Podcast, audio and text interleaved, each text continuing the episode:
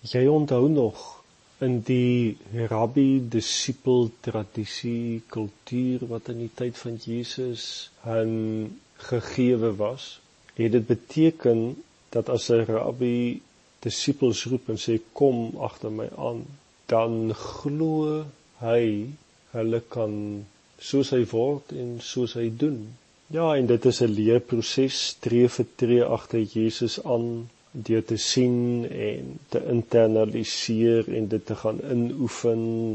Maar ja, Jesus het die voorbeeld gestel vir sy disippels.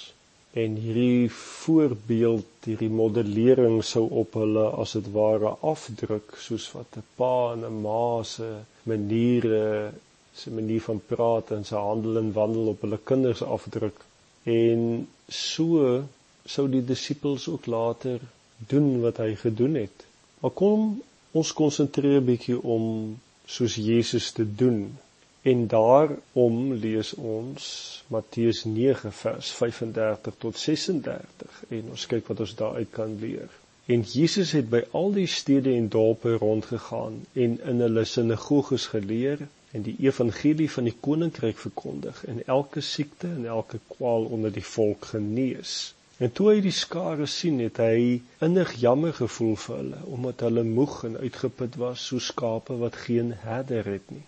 Toe sê hy vir sy disippels: "Die oes is vel groot, maar die arbeiders min. Bid dan die Here van die oes dat hy arbeiders in sy oes mag uitstuur."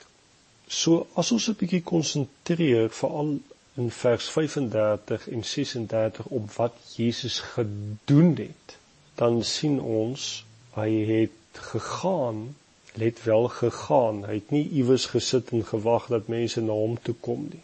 Onthou dit baie belangrik want dit sê ook iets van ons as disippels, nê? Nee, ek bedoel om te gaan. Maar Jesus het in die stede en dorpe rondgegaan en hy het in die sinagoges mense geleer. Hy het verkondig, hy het gepreek en elke siekte en elke kwaal genees. Ons lees ook as jy kan sê dis iets wat hy gedoen het. Hy het innig jammer gevoel, hy het deernis gehad.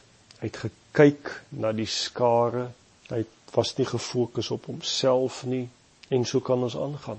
Die meeste van die tyd as ek vir dominees en pastore vra wat staan vir hulle uit in hierdie gedeelte, dan fokus hulle baie graag op die feit dat Jesus die mense geleer het en dat hy vir hulle gepreek het, dat hy verkondig het. Want jy sien, dit is die dinge wat pastore en dominees so graag doen, om te praat, om te verkondig, om te preek. En dit het Jesus ook gedoen. Dit is reg. Maar Jesus staan daar het ook elke siekte en elke kwaal onder die volk genees. En ek wil jou daarop let dat Jesus se lering en sy prediking was gekombineer met sy herstelplan om God se koninkryk te vestig hier op aarde. Want hy het gekom om te soek en te red die wat verlore is en hy het dit gedoen deur gesond te maak, te herstel om reg te maak wat sonde alles hier gebreek het. So om Jesus te volg bedoelende om soos hy te word en soos hy te doen beteken om te leer. Ja, ons moet verkondig, ons moet praat oor Jesus soos wat hy gedoen het.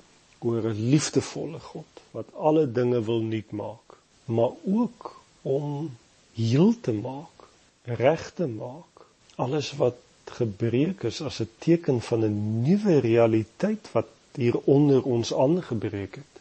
Dit beteken om die wêreld te verander deur dade van bevryding en verlossing. En dit het Jesus gedemonstreer uit 'n leefstyl gehad waarin hy mense geleer het. Maar hierdie lering was nie net 'n praat nie, dit was ook 'n modellering in gewone ware lewenssituasies van hoe jy optree en regmaak tot seën verander. Onthou vir Matteus, soos wat ek al reeds voorheen genoem het, beteken om te leer, nie net in intellektuele oefening waar kennis oorgedra word nie. Nee, Jesus se lering het nie net 'n appel op ons gedagte wêreld nie, maar op ons wil. Dit vra 'n konkrete besluit, 'n beslissing om hom te volg en om jouself te onderwerp aan God se wil. En God se wil is geopenbaar in die lewe en die bediening van Jesus. Doelgerigte aksies, nie net woorde nie, is wat tel. En daarom het Jesus 'n leefstyl ook gedemonstreer van om heel te maak. Hy het mense se nood aangespreek. Jesus was ook bekend as die een wat gesond gemaak het en hy het ook sy volgelinge aangemoedig om ook dit te doen. Natuurlik was mense siek, maar om gesond te maak holisties beteken dit het ook ander dimensies. Jesus het geleer om gesond te maak mense na liggaam, siel en gees. Later meer hieroor. Jesus het daarom ook gesoek heeltyd om gebroke verhoudinge weer te heel en die gaping tussen ryk en arm te oorbrug. Jesus het ook geleer dat die najaag van rykdom eintlik 'n geestelike siekte is soos wat hy by die ryk jong man in daardie verhaal gedemonstreer het. Dit is 'n gevaar vir jou siel.